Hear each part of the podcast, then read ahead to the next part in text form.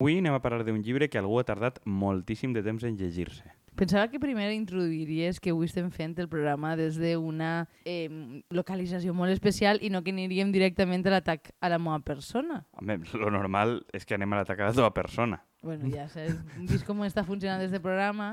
Jo és que és molt difícil llegir un llibre al mateix temps que Kiko, perquè Kiko no té altra cosa que fer en la vida que llegir. Per a les persones que estem ocupades, que treballem més o menys de manera estable i fem coses, pues no, no tenim temps per fer eh, les lectures al nivell. Entonces, què passa? Que cada volta que vull llegir un llibre que s'ha llegit ell, eh, està preguntant-me cada dos per tres si ja me l'ha acabat.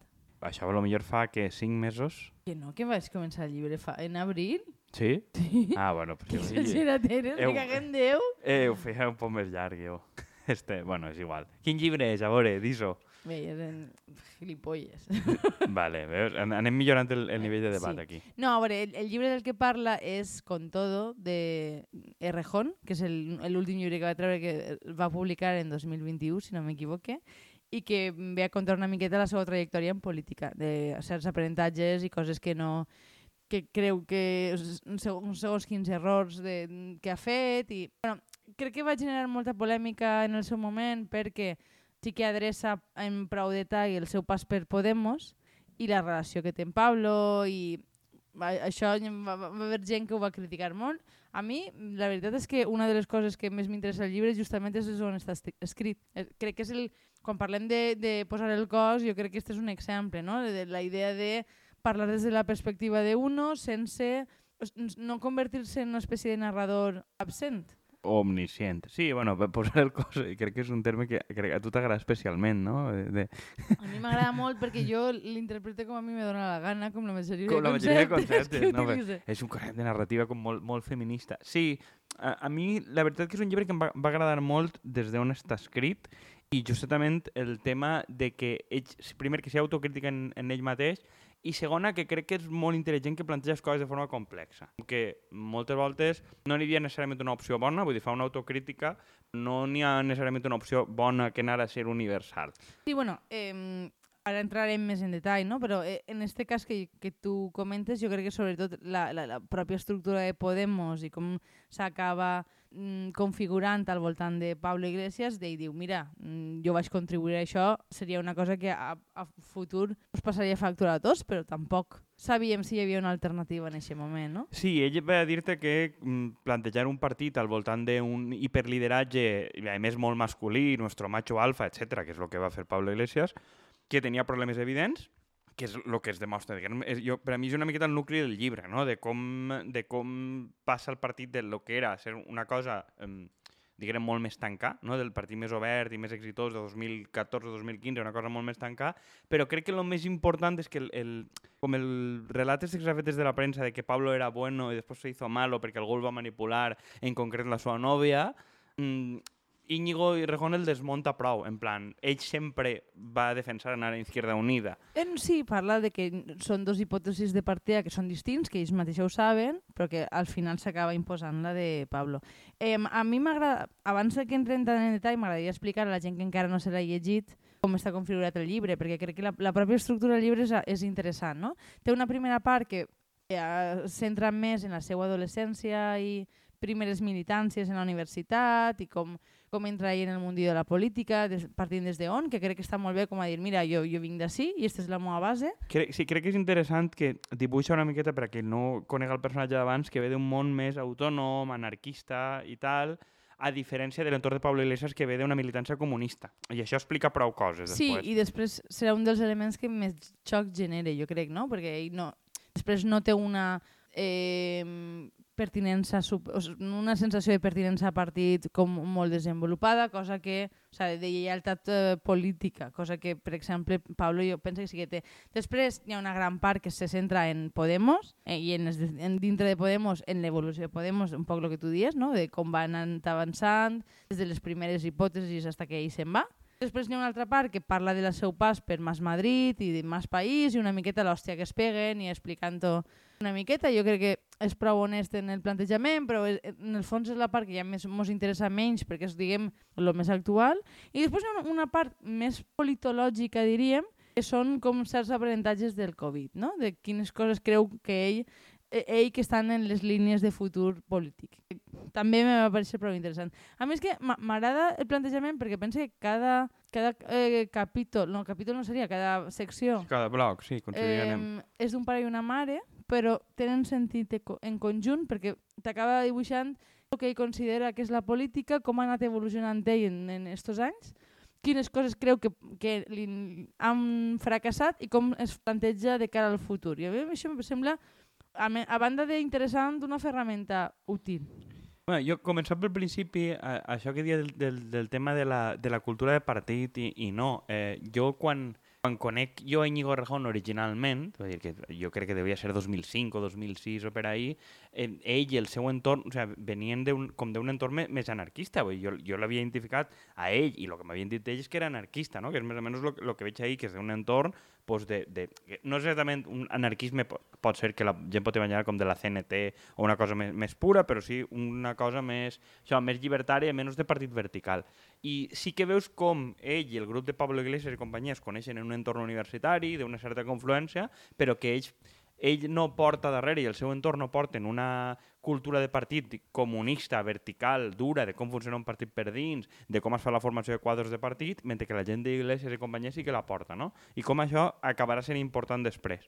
I crec que una de les coses més interessants de les que fa és ser ell mateix autocrític d'haver rebutjat o haver menyspreat la importància del partit i l'estructura del partit De, de fet, una part de l'autocrítica que crec que està molt bé és quan ell, en el fons, reconeix que per creure que tenien les millors hipòtesis o ser els més listos, això els anava a garantir continuïtat, no? I per tant van a descuidar absolutament la part interna perquè diuen, no, no, si, si lo nostre funciona de portes cap a fora i si veiem que té sentit i ningú mos pot igualar en intel·ligència, i això ho diu diverses voltes, eh? dir, mm, pecar de creure's el més listo eh, no, abandonen la, la, la part diguem, més orgànica, més de funcionament diari, que és la que prenen els que acabaran convertint-se en els seus rivals, que en un principi ell no, no ho veu en aquests termes, però crec que és inevitable, no? que al final sempre s'acaben creant seccions dintre un mateix partit i que les lògiques són molt més de famílies que no ideològiques. Bueno, en, en principi, de fet, no, no és ben bé així, no? perquè la majoria de gent que inicialment en el partit, en secretari d'organització i companyia, sí que és gent més de, de Rejón que de Pablo Iglesias,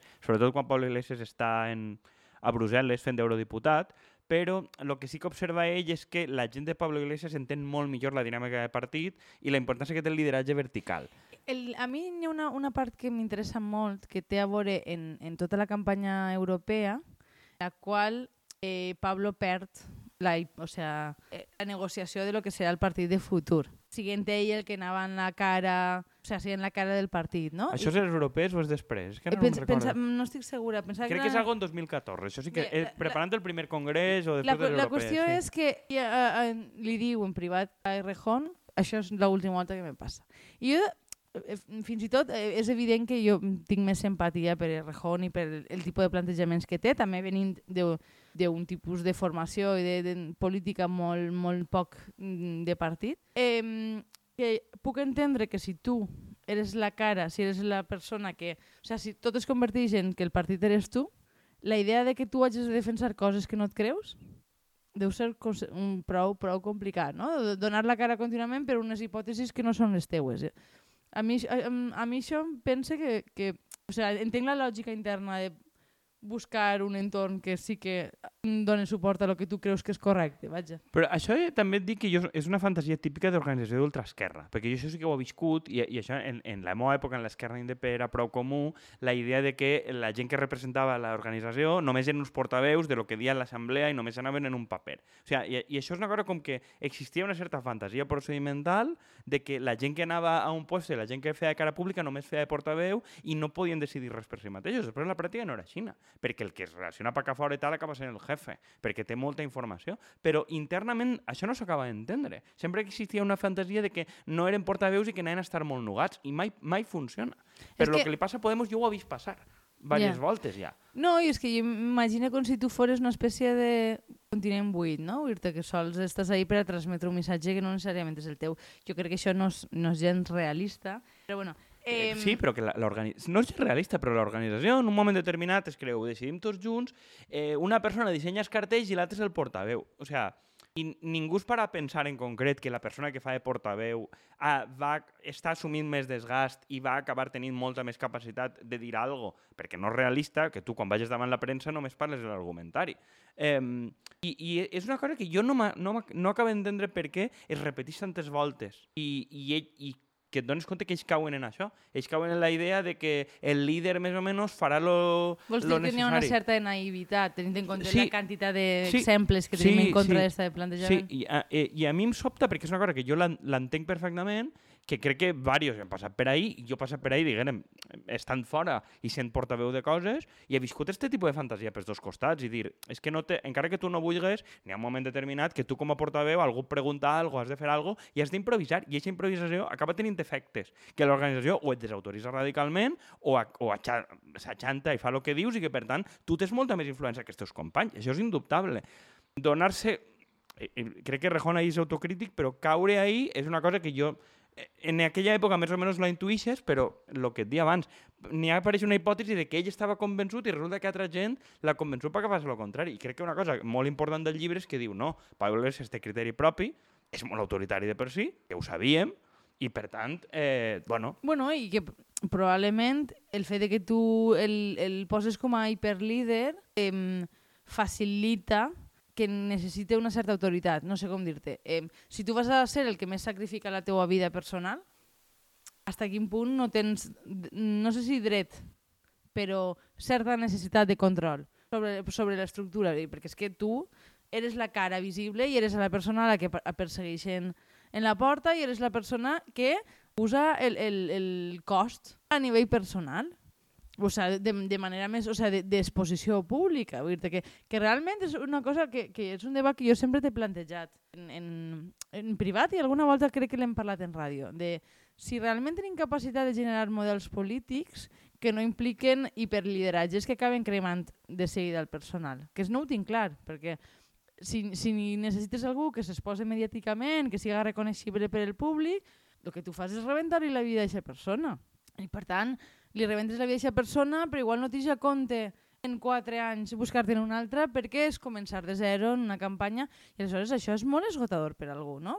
Pensem en, en, en Marçà, que acaba de deixar la Això- Això política. estava pensant jo ara mateix, o sigui, Marçà o el que li està passant a Mònica Oltra, o sigui, que n'hi ha molts casos de... o Dalmau que se'n va anar a casa, o sigui, és que n'hi ha, n'hi ha diversos casos en què se sap oficialment i oficiosament que el desgast personal i estar tu, a més, literalment aïllat en una camarilla, en una conselleria, eh, en què en el dia a dia tu tampoc estàs en la seu de partit, pues, després resulta que tu vas a la seu de partit i no, i no tens tants suports com tu creies, no? És que cre crec que això és la cosa. Una cosa, eh, una cosa important que, que pensi que és però molt de passadeta en el llibre, que el fet de tindre eh, criteri propi, etc no és el mateix que, que rodejar-te de gent que sempre t'està donant la raó, perquè perds part de realitat. I jo crec que una persona, per molt que tingui un criteri diferent en, en, del teu, sí, acabem negociant no? i veus altres perspectives i això t'obliga a un cert aterratge.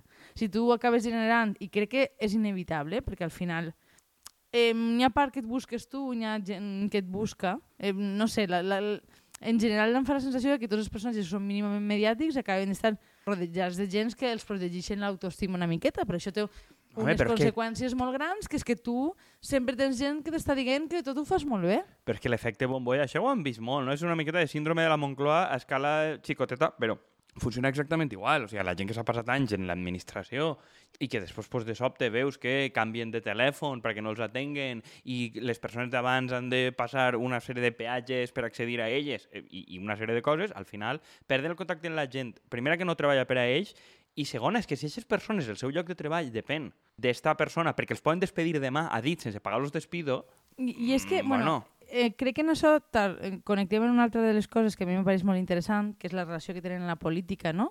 I que com és una espècie de droga que t'acaba menjant tot l'espai.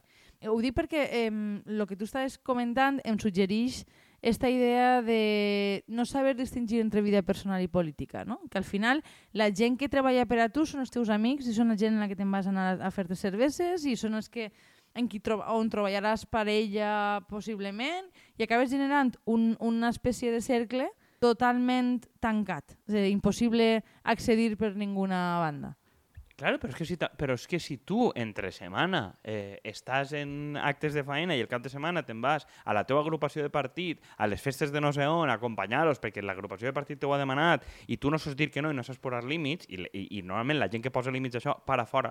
I al mateix temps hi ha una part de comprensible, eh? Vull dir, perquè eh, vol- vols relacionar-te amb gent que viu més o menys el mateix que tu i que, per tant, eh, no, té la, el mateix tipus de problemàtica, no sé com explicar. a veure que- En el fons no deixa de ser com si tu eh, tingueres un grup de teràpia de per psicològica o d'alcoholisme, el que siga, i els convertires en el teu, teu únic grup de referència. Perquè hi ha una part de lo traumàtic que és la teva existència que és fàcil de És a compartir, dir, com una classe de Lindy Hop o de CrossFit, per exemple. que és el teu grup de teràpia el que converteix en el teu grup prioritari.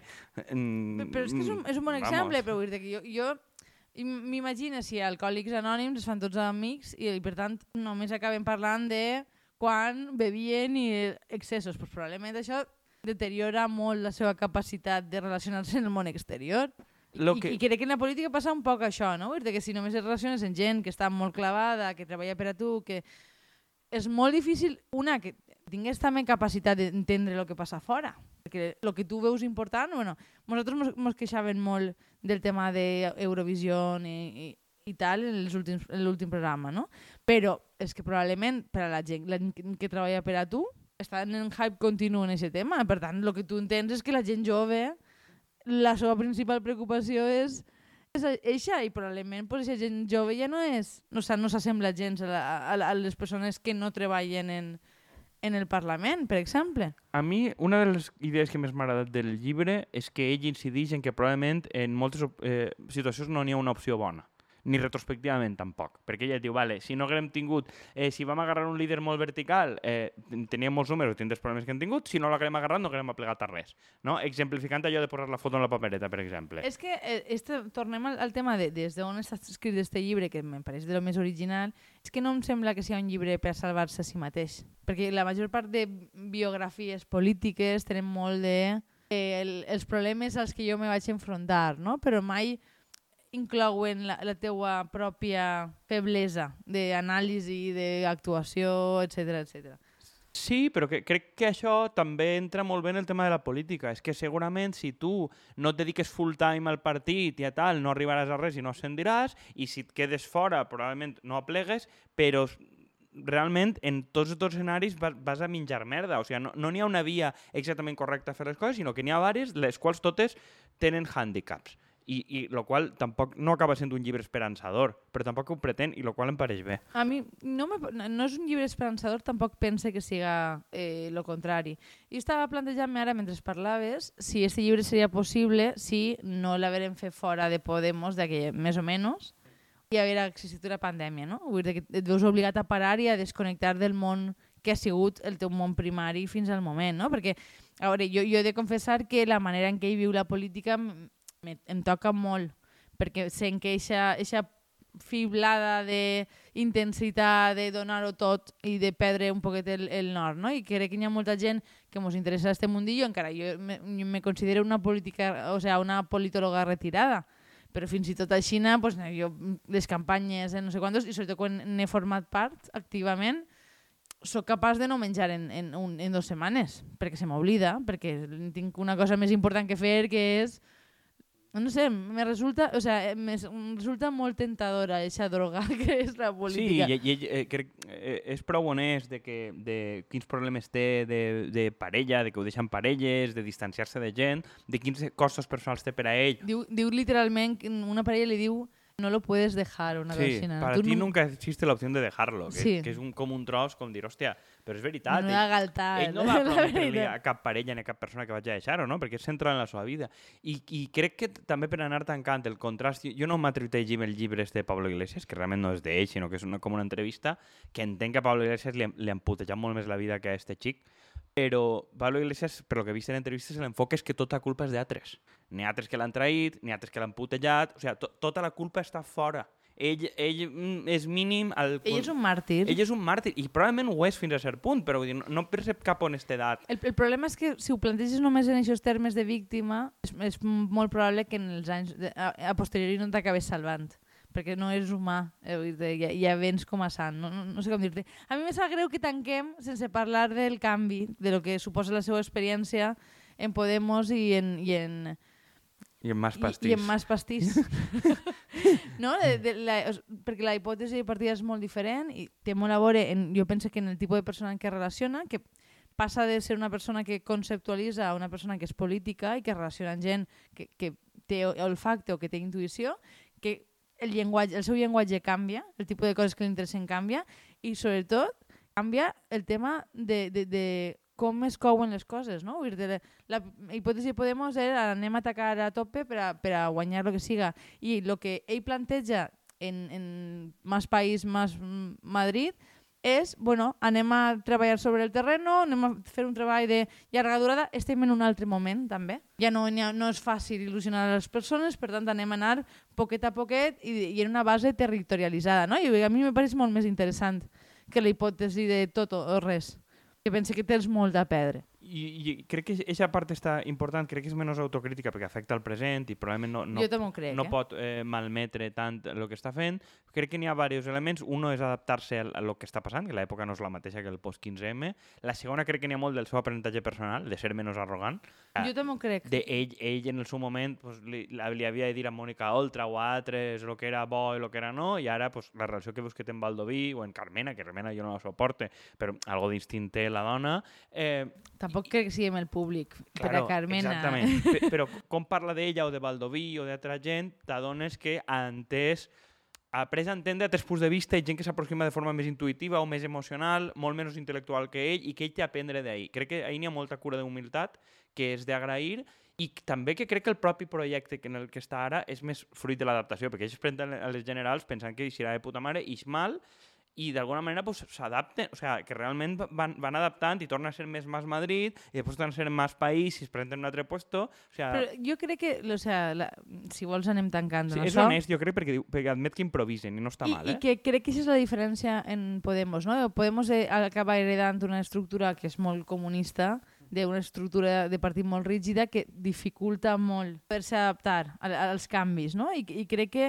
en, en la nova aposta política seua tenen molta més capacitat d'anar fluint, entre cometes. Mira que va dir la paraula fluir, però bueno, per este cas crec que me, me resulta útil. Sí, bueno, jo crec que eh, partir de la pròpia idea de que el, el camí t'anirà ensenyant, són una miqueta com, com un poc budista, si vols, però que el camí t'anirà ensenyant i que probablement, per molt que tinguis un pla predefinit, vas a tindre que canviar 40 voltes, em, que, No deixa de ser el plantejament que nosaltres tenim en este en este programa. programa, que és, anem a fer un programa, a veure què ix, i d'ací un any o dos, no? pues a veure en què es converteix. O sigui, pues, anem fent cada dia, i, i no? inicialment no teníem previst que estaríem fent, ni tan sols apostàvem seguir fent-ho ara. Jo no pensava que duraria un any, però bueno. Jo me, em quedo esperant el llibre que s'escriurà dintre de 10 anys quan parle del seu pas per Mas País, Mas Madrid, a veure que, com ha evolucionat la, la hipòtesi. I quan fem el llibre de com este programa s'ha convertit en una cosa exitosa, també. Això serà un audiollibre, És un espera. audiollibre, sí, sí, a veure si, si Errejón participa també. I, bueno, jo crec que... I, no? Ja ho tenim bé? bé? Ho tenim estupendo. Ah, Fins Ale, la pues, pròxima. Llegiu-lo que val la pena. Adeu.